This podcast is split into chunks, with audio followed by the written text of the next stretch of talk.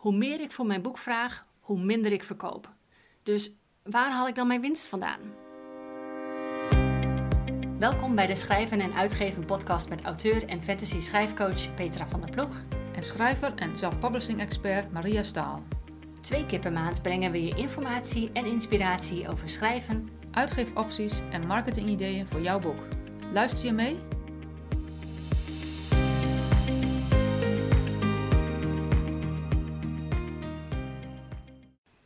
Hallo, ik ben Petra van der Ploeg en vandaag is het zaterdag 4 juni 2022. Deze aflevering is nummer 23 van de podcast, waarin we het gaan hebben over het prijzen van je boeken. Maria en ik bespreken het verschil in prijs tussen papieren boek en e-book, waar de meeste winst te behalen is en we hebben het over de wet op de vaste boekenprijs. Veel luisterplezier!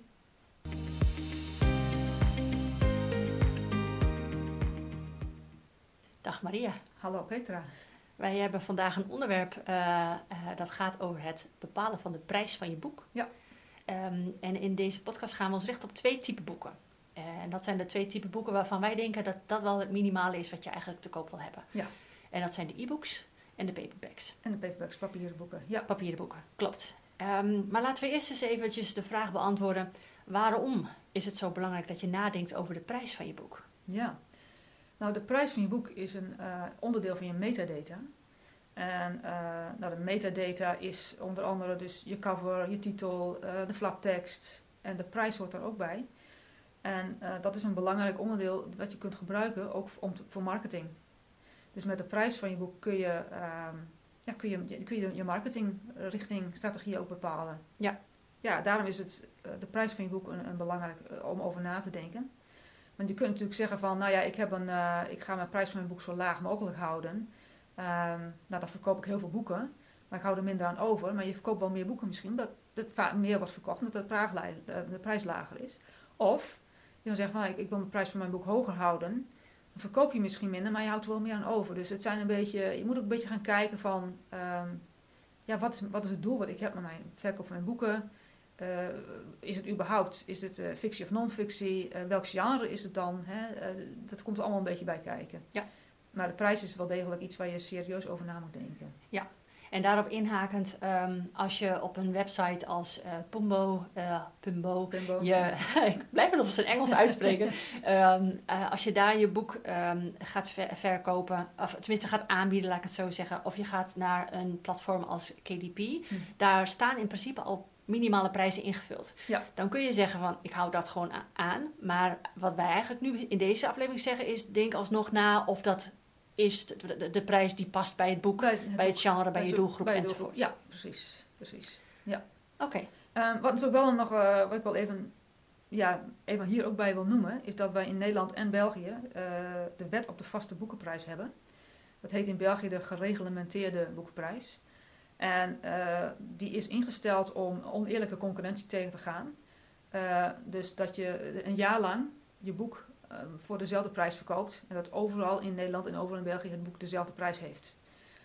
En dat geldt alleen, gelukkig alleen voor papieren boeken. Nederlandstalige papieren boeken.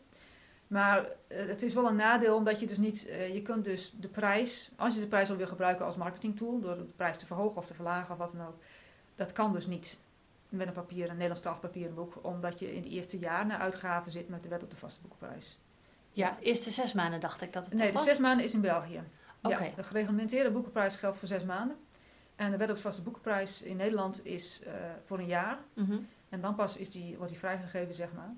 En je mag wel je boek, uh, je mag, je, mag uh, je um, hoe zit het ook alweer? Je mag je, boek, je papieren boek wel verhogen of verlagen in prijs, maar dat mag, mag pas na zes maanden in Nederland. Ah. Maar dat mag ook, ik weet niet of het één keer mag, maar je kan niet zeggen van de ene week dit en de andere keer. Je moet het echt aanvragen. Oké. Okay. En ze moeten er toestemming voor geven, dat soort dingen. Ja. Ja, ja en, en die vaste prijs moet je ook aanmelden, toch? Ergens. Dacht, ja. dacht ik, zodra je je boek uitgeeft. Ja, als je je boek hebt uitgegeven, uh, je papieren boek, dan moet je die aanmelden bij de commissariaat van de media. Uh, dat wordt nog wel eens vergeten. Ik geloof ook niet dat ik het ooit heb gedaan. En het is ook de vraag van, um, ja, hoe kun je worden, worden gepakt, zeg maar. Hè? Wat is de pakkans als je het niet doet? maar ik, zou, ik, weet je, als, ik denk van als je professioneel wil zijn en je bent een ondernemer, dan moet je gewoon volgens de regels dingen doen en dan, dan meldt hij dat gewoon aan. Ja, dus deze moet eigenlijk gewoon op je stappenplan staan. Je moet gewoon op je stappenplan staan, eh, meld mijn boek aan. Al- Als je een papieren boek hebt uitgegeven in het Nederlands, hè, dat is, als het in het Engels is of als het over e-book is, maakt het niet uit. Mhm. Dat gezegd hebbende, in België geldt eh, de e-book vast, valt wel onder gereglementeerde boekenprijs, helaas. Maar die is daar ook maar zes maanden, dus dat is dan al korter Ja. in elk geval. Ja, korter als Nederland. Maar in Nederland vallen de e-books niet onder de eh, vaste boekenprijs, Oké, gelukkig. nou Ja. dat, is, eh, dat is al een stuk duidelijker inderdaad wat, die- wat die wet van eh, op de vaste boekenprijs inhoudt. Hè? Ja. En dat wij daar als zelfbewust dus rekening mee willen houden. Ja. Ehm, en ehm, als we dan kijken naar een papieren boek, Mhm. hoe prijs je die? Waar let je op? Ja, nou dat is een, een groot verschil eh, als je kijkt naar of je een oplage laat drukken Mhm. of dat je eh, via print on demand eh, je boeken uitgeeft. Dat wil zeggen print on demand dat je niet een hele zolder vol met boeken krijgt, hè, met dozen vol boeken, maar dat je dat per boek, op het moment dat het boek wordt verkocht, wordt het gedrukt of ge- ge- geprint. Dus je hoeft daar verder geen, ehm, je, hebt, je, hoeft geen grote oplagen daarvoor in huis te nemen. Een oplage zijn over het algemeen, ehm, de, de, de product- productiekosten voor een oplage zijn lager, omdat je meer in bulk hè, Mhm. wordt gedaan. En de, voor print on demand zijn de productiekosten hoger, dus je houdt er minder aan over. Maar ja, van een oplage is het nadeel is natuurlijk weer dat je, eh, je moet kiezen van hoeveel boeken wil ik eigenlijk laten drukken. Je moet geld van tevoren eh, hebben, je moet het invest- kunnen investeren en je moet ze ook wel kwijt zien te raken.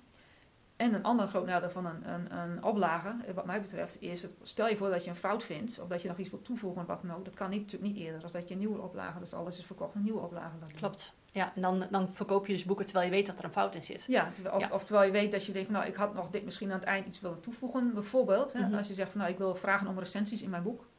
Hè, van dat je aan het eind zegt van, eh, eh, aan, aan de lezer van je hebt het boek gelezen, vond het leuk, schrijf een recensie voor mij hier en daar en daar. Stel dat je die tekst nog wil toevoegen. Ja, dat kan niet als je duizend euro boeken hebt laten drukken of 2000 boeken, whatever. Nee, en ik denk ook dat het belangrijk is dat je gaat kijken van eh, wat, is een, wat is een goed aantal om überhaupt mee te beginnen als oplage. Ja, Heel veel mensen denken namelijk dat ze een hoog aantal eh, eh, nodig hebben. En dat wordt eigenlijk ook door drukkerijen wel ehm, ehm, eigenlijk nagestreefd. Hè? Omdat Ja. zij dan aanbiedingen hebben, bijvoorbeeld voor 500, euro voor duiz- eh, 500 boeken voor 1000 euro. Maar 700, eh, voor 700 euro kun je bijvoorbeeld 2000 boeken. Ja, En dan denk je, oh wat een mooie aanbieding. Maar ga je überhaupt wel 1000 verkopen? Ja. Hè, dus, dus dat zijn ook dingen waar je over na wil denken als jij de ja. oplagekant op wil. want op het moment dat jij de prijs bepaalt voor jouw papieren boek, stel dat je een oplage hebt laten doen, op het moment dat je boeken niet verkoopt, gaat in feite natuurlijk virtueel de prijs, hè, de, de verkoopprijs omhoog. Want je houdt er zelf minder aan over. Je kan die boeken weggooien of bij papier doen, whatever.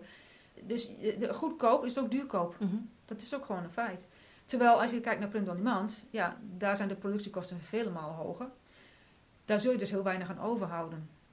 Maar goed, tegelijkertijd heb ik dan zoiets van, ja, ehm, zorg dat je ook e-boeken gaat verkopen. Want de winst die je haalt- behaalt uit het verkopen van boeken, zit over het algemeen in de verkoop van e-boeken. En niet zozeer in de verkoop van papieren boeken. Ja. Ja, en het voordeel met het e-book is ook dat je de tekst makkelijker kunt aanpassen. Aanpassen, ja. En je hebt ook niet te maken met een oplage. Nee, Hè, dus nee. Die, die, tekst kun je standaard aanpassen. En helemaal als je kijkt naar non-fictieboeken. Als jij een onderwerp hebt die op dit moment heel erg huidig is. En heel erg, eh, ehm, nou ja, waar mensen echt op zitten te wachten. Dan is de verkoop misschien op dit moment heel erg goed.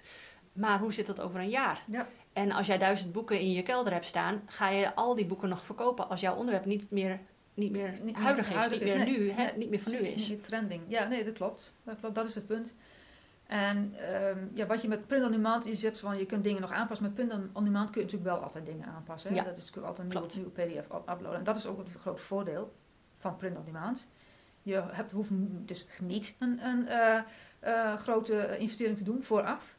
En je kan dingen veranderen, maar het nadeel is natuurlijk weer, de productiekosten zijn hoog, dus je houdt er heel weinig, of heel weinig aan over. En een groot voordeel is, het is milieubewuster. Het is milieubewuster, zeker weten. Ja, want het boek wordt niet eerder geprint als op het moment dat dit wordt verkocht.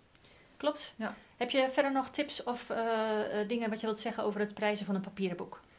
Nou, in Nederland zijn papieren boeken sowieso vrij hoog geprijsd. Je zit gauw op eh, tussen de 18, 19, 20, 21, 22 euro voor een papieren boek. Dat komt ook omdat veel meer mensen print on demand doen en dan de boeken duurder maken omdat ze nog wat geld aan over willen houden. Op dit moment, eh, wij praten nu, wat is het, april 2022, groot papiertekort. Ja? Dat heeft grote problemen opgeleverd eh, in de hele wereld, papiertekort. Uh, prijzen van het laten drukken en ook het, het, het, laten print-on-demand van boeken gaat omhoog. Dus dat wordt doorberekend in, je krijgt dus minder royalties. Er zijn op dit moment op de hangplek van Nederlandstalige zelfpabbers op Facebook was laatst iemand die zei van ja, ik heb, op, ik heb mijn boeken als print on demand bij Pumbo en ik heb opeens een negatieve royalty. Uh, negatieve royalties, hoe kan dat? Nou, dat komt gewoon omdat de uh, Pumbo de prijzen omhoog heeft gedaan, de papierprijzen omhoog heeft gedaan, maar zij had niet haar verkoopprijzen aangepast. Dus dan komen de, de, de, de productiekosten worden hoger dan de verkoopprijs. En dan mhm. krijg je dus negatieve, negatieve royalties. Dus dan zou je in principe, als je dat niet gaat aanpassen, uh, zou je dus uh, Pumbo moeten gaan betalen op het moment dat iemand een boek van jou koopt. Ja, terwijl het eigenlijk andersom zou moeten zijn. Terwijl het anders, andersom zou moeten zijn. Dus dat is iets waar je op dit moment wel degelijk mee rekening mee moet houden. En uh, dat zal ook nog wel even duren. Zoals ik dat ook in de Engelstalige wereld hoor, gaan ze ervan uit dat het nog wel tot eind, eind 23 nog wel gaat, doorgaat dat wij daar last van blijven houden. Ja. ja. Ik denk dat dat sowieso ook een goede insteek is uh, als tip om je prijzen sowieso in de gaten te blijven houden. Hè? Um, uh, ook om te kijken inderdaad of je nog steeds dezelfde type royalties verdient als daar, waar je in, in het begin uh, voor ging. Ja. En al inderdaad als er dit soort dingen gebeuren, um, met papier dat duurder wordt, dat jij inderdaad als schrijver daar niet de dupe van wordt. Nee. Nee, dus dat is, het, is, dat, het, is, het, is geen, het, het, is geen charity. We doen iets voor de lol, bij wijze van. Tenminste, over het algemeen zullen we dat, de meeste schrijvers zullen dat niet doen. willen toch wat geld uh, aan overhouden. Ook al is het maar een heel klein beetje. Ja, nou ja, betalen zodat iemand anders je boek gaat lezen is natuurlijk sowieso dat niet insteek van uh, schrijvers. Nee, nee, dat, is, dat is niet... Uh, wat je kan doen, wat ik als tip zou hebben als kijk hoe, hoe, bepaal ik de prijs van mijn papieren boek. Nou ja, de keuze is natuurlijk aan jou, maar kijk dus naar het doel wat je hebt. Um, uh, besluit dan of je print on demand of een oplage gaat doen. En dan ja, kijk naar de prijs. Kijk naar wat, wat de boeken, andere boeken in je genre. Hè. Ga gewoon naar bol.com of naar de boekhandel, whatever. En kijk wat de, wat de uh, prijzen zijn. En richt je, richt je daar aan. Ik denk dat dat het beste is. Ja. Ga zeker niet heel veel erboven zitten omdat je denkt van nou ik heb print on demand en ik wil toch 10 euro aan overhouden. Ik maak mijn boek lekker 30 euro. Terwijl andere boeken in jouw genre of wat dan ook 20 euro zijn. Ja, dat heeft ook geen zin. Want dan verkoop je heel weinig. Je houdt wel meer aan over, maar je verkoopt heel weinig. Mm dus het is altijd mijn motto: probeer de prijs zo laag mogelijk te houden. Want dan verkoop je meer, ook al houd je meer, minder aan over, maar je verkoopt meer. Dus uiteindelijk eh, ja, is dat wel gelijk. Ja, ja. En de insteek, je zei het net al een beetje, um, is als jij uh, kijkt naar je papieren boek, uh, niet als zijnde de plek waar je de grootste winst haalt, maar dat je e-book de plek is waar je de grootste winst haalt. Dat is ook al belangrijk. Dat hè? is belangrijk. Dat als jij kijkt naar uh, hoe duur een, een papieren boek uh, nou, in, een vergelijkbare in jouw genre, maar bijvoorbeeld een vergelijkbaar boek. Dat, uh, uh, stel dat die 18 euro is, dat jij jouw boek ook niet veel duurder of veel goedkoper dan, dan die 18 euro. Want dat is dus de richtlijn. Dat is de richtlijn. Um, En als je dat inhoudt dat je 50 cent verdient op je boek, so be it. Dat so be it, ja. Daar is dan, jouw papieren boek is niet de plek waar je je winst gaat behalen. Nee. Dat, is, dat is de plek, die plek is voor de e-book. Daar kun je echt je winst behalen. Ja, ja klopt. Nou, dan uh, hebben we eigenlijk wel een mooie insteek. Want oké, okay, dan hebben we duidelijk, de e-book is waar je de winst behaalt. Maar hoe bepaal je de prijs dan voor je e-book? Ja, ja. Uh, zelf heb ik altijd de richtlijn, uh, je e-book is een kwart van de prijs van je papierboek. In elk geval van de paperback, laat ik het zo stellen. Niet mm -hmm. van de hardcover, want die zijn vaak wat meer aan euro's. Maar van de paperback is het een kwart van de prijs. Dus stel je voor, jouw, jouw um, papierboek is 20 euro, mm -hmm. dan is je e-book 5 euro. Ja. ja. op die manier. Of je kunt er 4,95 van maken. Dat, je rond het natuurlijk altijd af. Wat wel zo is, als je gaat kijken naar uh, van oké, ik ga eens even kijken um, welke, uh, bijvoorbeeld bol.com, hoe, hoe duur zijn andere boeken daar in mijn genre. Houd er rekening mee dat traditionele uitgevers de prijzen van e-books kunstmatig hoog houden omdat zij liever papieren boeken verkopen, want die zij hebben vaak wel een grote oplage. Dus daar is voor hun, voor hun is daar meer de winst te halen. En zij willen liever niet de concurrentie van het e-book, dus ze prijzen de e-boeken hoger. Als dat ze, om, om te voorkomen dat mensen heel snel e-books gaan kopen.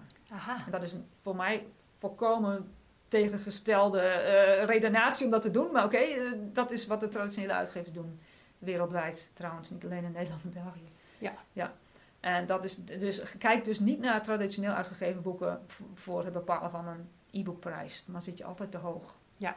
Dan zou je natuurlijk kunnen zeggen, ehm, stel dat inderdaad die, die, je, je papieren boek is 20 euro, dat je dan de, de filter op bol.com gewoon eens tussen 0 en 5 euro zet. Kijken wat je dan naar, naar voren gaat krijgen. Precies, precies.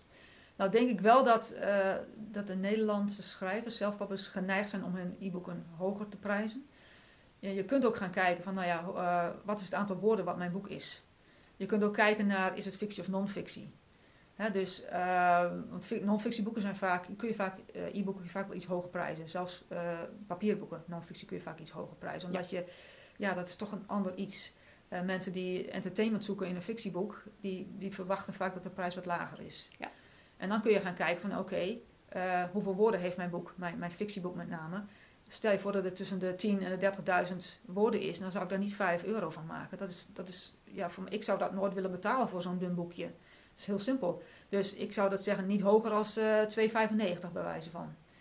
dus, uh, maar als je een boek hebt van 80.000 woorden, wat gewoon een gemiddelde lengte is, ja, dan kan je er best uh, eh, 4,95 of 5,95 van maken. Hè? En als je over boven de 100.000 zit, dan zeg je, je schrijft epic fantasy of whatever, sci-fi, dat zijn vaak dikkere boeken, ja, dan kun je er best 7,99 of 7,95 of wat dan ook van maken. Dat is geen probleem. Ja. Dus hou dat ook in de gaten, want hoeveel woorden heeft mijn heeft mijn e-book eigenlijk. Ja, ja. en je, je stipt er dan net al even aan, je kijkt ook inderdaad naar de waarde die jouw boek komt brengen. Want als je een non-fictie schrijft, heb je in principe altijd een probleem dat je oplost voor je lezer. Ja. En daar betalen mensen over het algemeen meer voor dan uh, ik wil gewoon even in een fantasiewereld opgesloten worden met een bepaald boek. Met een bepaald boek, ja. dus dat, dat is niet zozeer een probleem wat je oplost. Dus mensen zijn minder gauw geneigd daar veel geld voor neer te tellen. Ja. Als je non-fictie schrijft en je hebt een onderwerp wat, uh, wat echt een probleem oplost... Mhm dan kun je daar inderdaad qua prijs kun je er gewoon veel meer voor vragen. Kun je er meer voor vragen. Specifiek als het ook nog om een probleem eh, is wat een populair probleem is, om het zo maar even te zeggen. Precies, ja. precies. Ja. Dan, dan kan dat. Dus daar, daar kun je ook nog weer rekening mee houden, zowel voor je papierboek als voor je e-book. Ja, dus, ja. Nou ja, wat ik al zei, de e-boeken vallen in Nederland gelukkig niet onder de wet op de vaste boekenprijs. Uh, in België moet je eh, zes maanden wachten voordat je ermee kan gaan spelen met de prijs. Mm -hmm. Maar uh, de, de, prijs van je e-book kan een goede uh, iets zijn om te gebruiken in een marketingstrategie. Dus je zou bijvoorbeeld, um, als stel dat je een serie schrijft, dus je schrijft fictie of je, serie, of je hebt een aantal losstaande boeken die een beetje bij elkaar kunnen horen, wel in hetzelfde genre, zou je bijvoorbeeld één boek, het eerste boek of één boek, eh, goedkoper kunnen maken zodat mensen goedkoper um, ja, meer uh, aangetrokken worden. Dat even, oh, dat, voor, dat, voor dat kleine bedrag kan ik wel een, een onbekende schrijver, uh, kan ik mijn geld wel inleggen. En vervolgens lezen, gaan ze doorlezen en die andere boeken zijn duurder geprijsd. Ja. Dus op die manier kun je daar ja, kun je daarmee gaan spelen. Zeg maar. Dan worden ze eigenlijk geïntroduceerd met jou als schrijver. Ja. En dat kan in een losstaand boek. Als je inderdaad een serie hebt uh, van boeken die allemaal qua, qua, genre hetzelfde zijn, of in ieder geval qua onderwerp bijvoorbeeld hetzelfde zijn. Dus als je ze al aan elkaar kunt matchen, kun je het op die manier doen. Maar inderdaad ook in een serie van, van drie, vier, vijf boeken zou je ook al kunnen zeggen: dat eerste boek gaan we, uh, uh, gaan we even spelen met de prijs. Gaan spelen met de prijs, ja. ja. Wat je natuurlijk ook kan doen, stel dat je een serie schrijft of uh, dat, je, dat je meerdere boeken hebt van hetzelfde, uh, in hetzelfde genre. Dat je zegt van ik breng een nieuw boek uit. Dat je dan niet zozeer uh, het nieuwste boek goedkoper gaat uitbrengen op het moment dat die uitkomt. Maar dat je juist de eerdere boeken goedkoper maakt. Mm -hmm. Tijdelijk. Hè? Dat je zegt van oké, ik heb boek 4 in de serie. Mijn boek vier, vierde boek in mijn serie komt uit. Daar wil ik 4,95 voor vragen, want het is gewoon 80.000 woorden. Uh, dan ga ik boek 1 of boek 2 ga ik goedkoper maken. Of zelf boek 3. Dat kan ook. Dat je alleen dat je boek 3 goedkoper maakt. Dan kunnen mensen, uh, dan kunnen mensen dat boek alvast kopen. En dan zet ik achter in het boek van... Oké, boek 4 is hier. Uh, hier. Klik hier en dan kun je meteen boek 4 kopen. Als e-book 4 kopen, zeg maar. Ja. Dus dat zijn dingen waar je mee kan spelen. Dat is het handige van e-books omdat je hebt geen productie, nauwelijks productiekosten. Ja, je hebt natuurlijk productiekosten en fijn, je hebt een redacteur, je hebt een, een, een, een uh, een cover designer gehad. Hè? Dat zijn, maar dat zijn niet productie... Ja, het zijn wel productiekosten, maar ik reken die zelf persoonlijk nooit zo mee. Mm. Maar dat, is, dat ben ik. Maar als je natuurlijk als je een oplage hebt, of een uh, print-on-demand boek, dan heb je de, wel degelijk papierprijs en dat soort dingen rekening mee te houden. Bij de e-book heb je dat allemaal niet. Dus je kunt gewoon makkelijker spelen met, en omdat je wet op vaste boekprijs niet hebt, kun je spelen met de prijs als marketingstrategie. Ja. Ja, en dat kan bij een, bij een papieren boek dat sowieso lastiger. Zelfs als je niet meer binnen de wet op de vaste boekenprijs valt, of de gereglementeerde boekenprijs. Want je blijft zitten met die hogere productiekosten van dat papier en van die verzendkosten die je, of weet ik veel wat, dat, dat boek. Eh, nou ja, en, en um, uh, bijvoorbeeld als je een papieren boek verkoopt in een um, boekwinkel, De boekwinkel krijgt nou, tussen de 30 en de 40 procent van de verkoopprijs. Houden ze zelf als winst. Mhm. Logisch. Dus dat gaat af van, ja, dat moet je optellen bij de productiekosten die het jou heeft gekost. Om jouw boek te laten maken. Mhm. Dus het gaat weer af van jouw eigen winst. Ja. Dus je kan wel zeggen van, oké, ik heb duizend boeken laten drukken. 6 euro per stuk. Ik ga mijn boek voor 20 euro verkopen. Een papieren boek. Ik ga het om 20 euro verkopen. Zou je zeggen, ik hou 14 euro daaraan over. Dat is alleen als je hem zelf aan je, persoonlijk aan je buurman verkoopt. Ja. Anders niet. Precies, anders heb je ook nog weer verzendkosten waar je En dan rekening heb mee je ook nog weer... Precies. Ja. Dus, dus dat is daar... Dus als je wil spelen met de prijs en eh, het echt als marketing, de prijs echt als marketing tool wil gebruiken, dat kan vooral heel erg goed met e-books. Ja. En dat, eh, zo zie je maar weer dat met papieren boeken er zoveel factoren zijn waar je rekening wil, wil houden, wat eigenlijk jouw royalties beïnvloedt. Ja. Ehm, en dat je ook inderdaad constant op de hoogte moet zijn van oké, zit ik nog steeds goed met mijn roy- royalties of, of ga ik straks in de min? Wat, Ja. we, dus, eh, wat we dus al hebben gezien Ja. eh, bij, de, bij het berichtje op de hangplek. Ja. Dus, dat, ehm, dus dat is ook waarom ja, wij eigenlijk sowieso altijd heel erg geneigd zijn. Doe in ieder geval ook de e-book erbij. Ja. Want we- we- we- eh, iedereen die een boek wil uitgeven, die heeft het voornamelijk over een fysiek boek. Want ja, dat fysieke boek wil je gewoon in handen hebben. Ja. En het e-book is zoiets ontastbaars. Is, is ongrijpbaar, dat zweeft in de lucht of zo. Ja, dat is, eh, Maar als je ziet, puur op basis van je marketing, dat je daar wel je grootste winst kunt behalen, Ja. ehm, is het niet iets wat je, wat je weg wil stepen. Nee, zeker niet. Als jij een, als jij een ondernemingsplan gaat maken en, en je wil eh, ik wil niet zeggen dat je fulltime schrijver wil worden, maar stel dat je toch wat geld wil gaan verdi- verdienen, kun je je beter richten op e-books. Want daar kun je gewoon veel meer mee. En je moet van een e-book, eh hou er rekening mee dat je... eh, volgens mij is het op eh Kobo Writing Live hou je 70% over, volgens mij, van de verkoopprijs. Hm. Ja, zo. Dat is 70%. Die hou je gewoon echt letterlijk over. Eh, dat geldt ook voor, voor boeken die verkocht worden op Amazon. Als die tussen e-books die verkocht worden op Amazon, die, die tussen de 2,99 en de 9,99 prijst, krijg je er ook 70% voor. Ja, dus, en als ik boeken via Smashwords of Draft to Digital, dan krijg je daar 60% voor. Van de verkoopprijs. Dus dat, zijn, dat, dat, dat red je bij lange na niet met een papieren boek. Dat, dat red je daar gewoon niet mee. Nee, dan zou je je boek waarschijnlijk 30 euro moeten gaan. Dan moet je, dan moet je dat, dat- en dan ja. is er niemand die het En koopt. dan niemand die het koopt. En dat is, dus daar hou daar, dus het is wel degelijk een soort van, daar moet je over nadenken van wat, wat wil ik eigenlijk? Wil ik, eh, wil ik heel veel geld verdienen? Of wil ik heel veel boeken verkopen? Hm. En als je heel veel geld wil verdienen, dan moet je geen schrijver worden, denk ik dan. Dat is een beetje bot, maar dan heel veel geld verdienen met, met boeken verkopen, zal je zal niemand heel snel lukken, geen enkele schrijver, omdat dat gewoon, daar zit het geld niet in. Zeker niet in papieren boeken. Want jij bent niet de volgende, nou ja, laten we ervan uitgaan dat jij niet de volgende J.K. Rowling bent.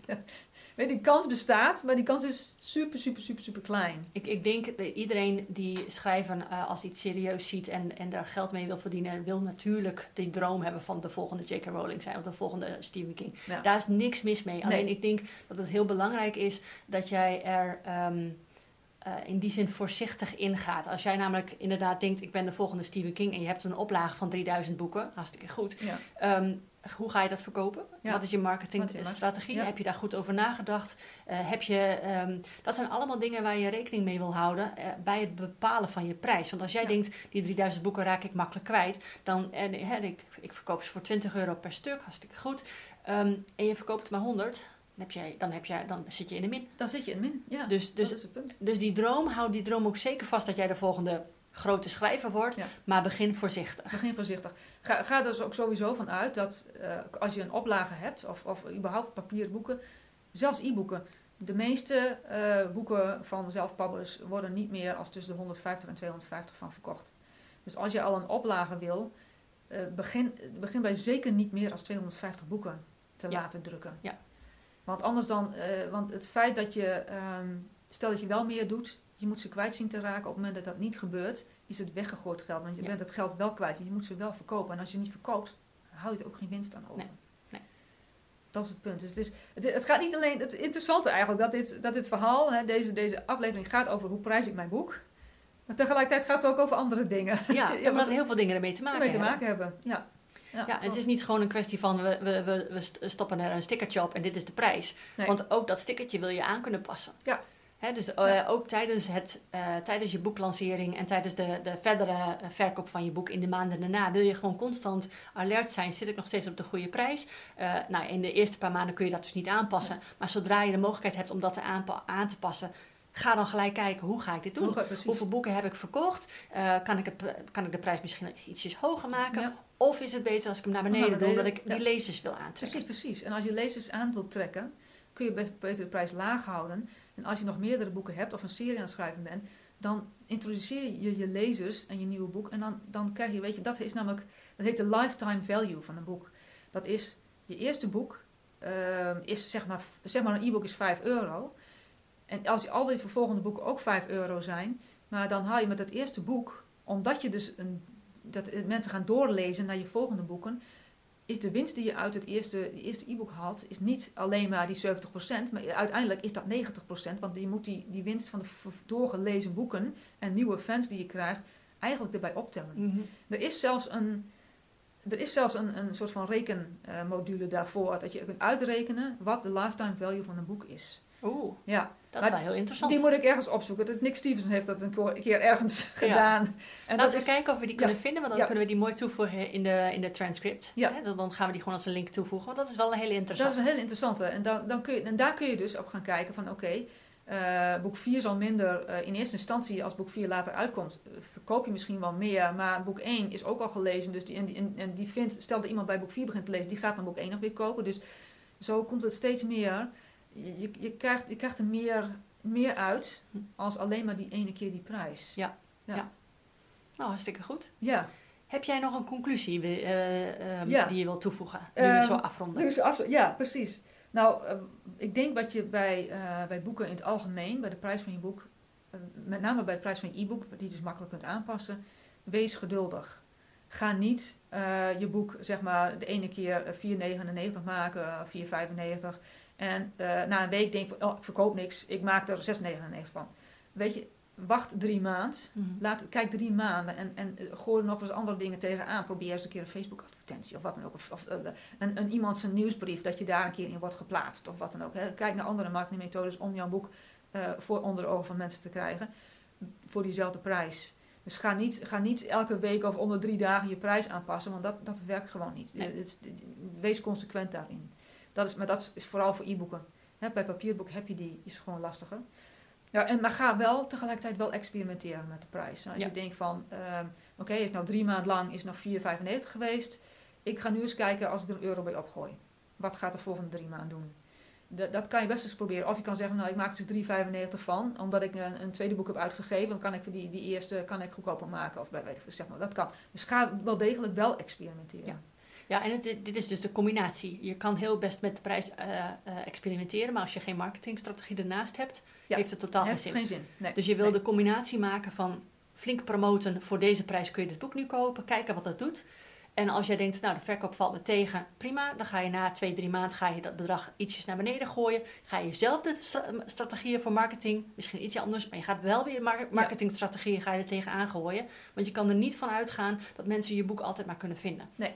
Dus je zal, uh, je zal, dus de zichtbaarheid ligt bij jou. Ligt hoe, je Dat gaat, hoe je dat gaat organiseren. Zeker, zeker, ja. En daarvoor is het belangrijk dat je een goede lange termijn marketingstrategie hebt. Klopt, ja.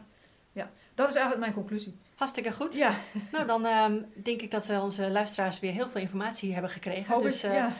um, dankjewel voor het gesprek. graag gedaan.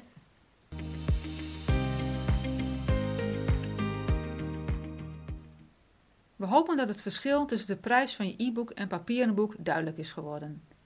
Het prijzen van je boek is onderdeel van de metadata, dus speel ermee zodat je tot de beste verkoopprijs komt. De volgende keer gaan we het hebben over het vertelperspectief van je verhaal. Oftewel, wat zijn de stem en stijl die je toepast? We duiken in de verschillende soorten en helpen je bepalen welke de juiste is voor jouw verhaal. Tot de volgende keer. Bedankt voor het luisteren. We hopen dat je het leerzaam vond. Meer informatie en inspiratie over schrijven vind je op Petra's website fantasyschrijfcoaching.nl. Wil je meer weten over uitgeven en marketing? Ga dan naar mariastaal.nl. Op beide websites vind je ook de show notes en de links naar eerdere afleveringen. Heb je een idee voor een volgend onderwerp? Stuur ons dan een berichtje. Tot de volgende keer!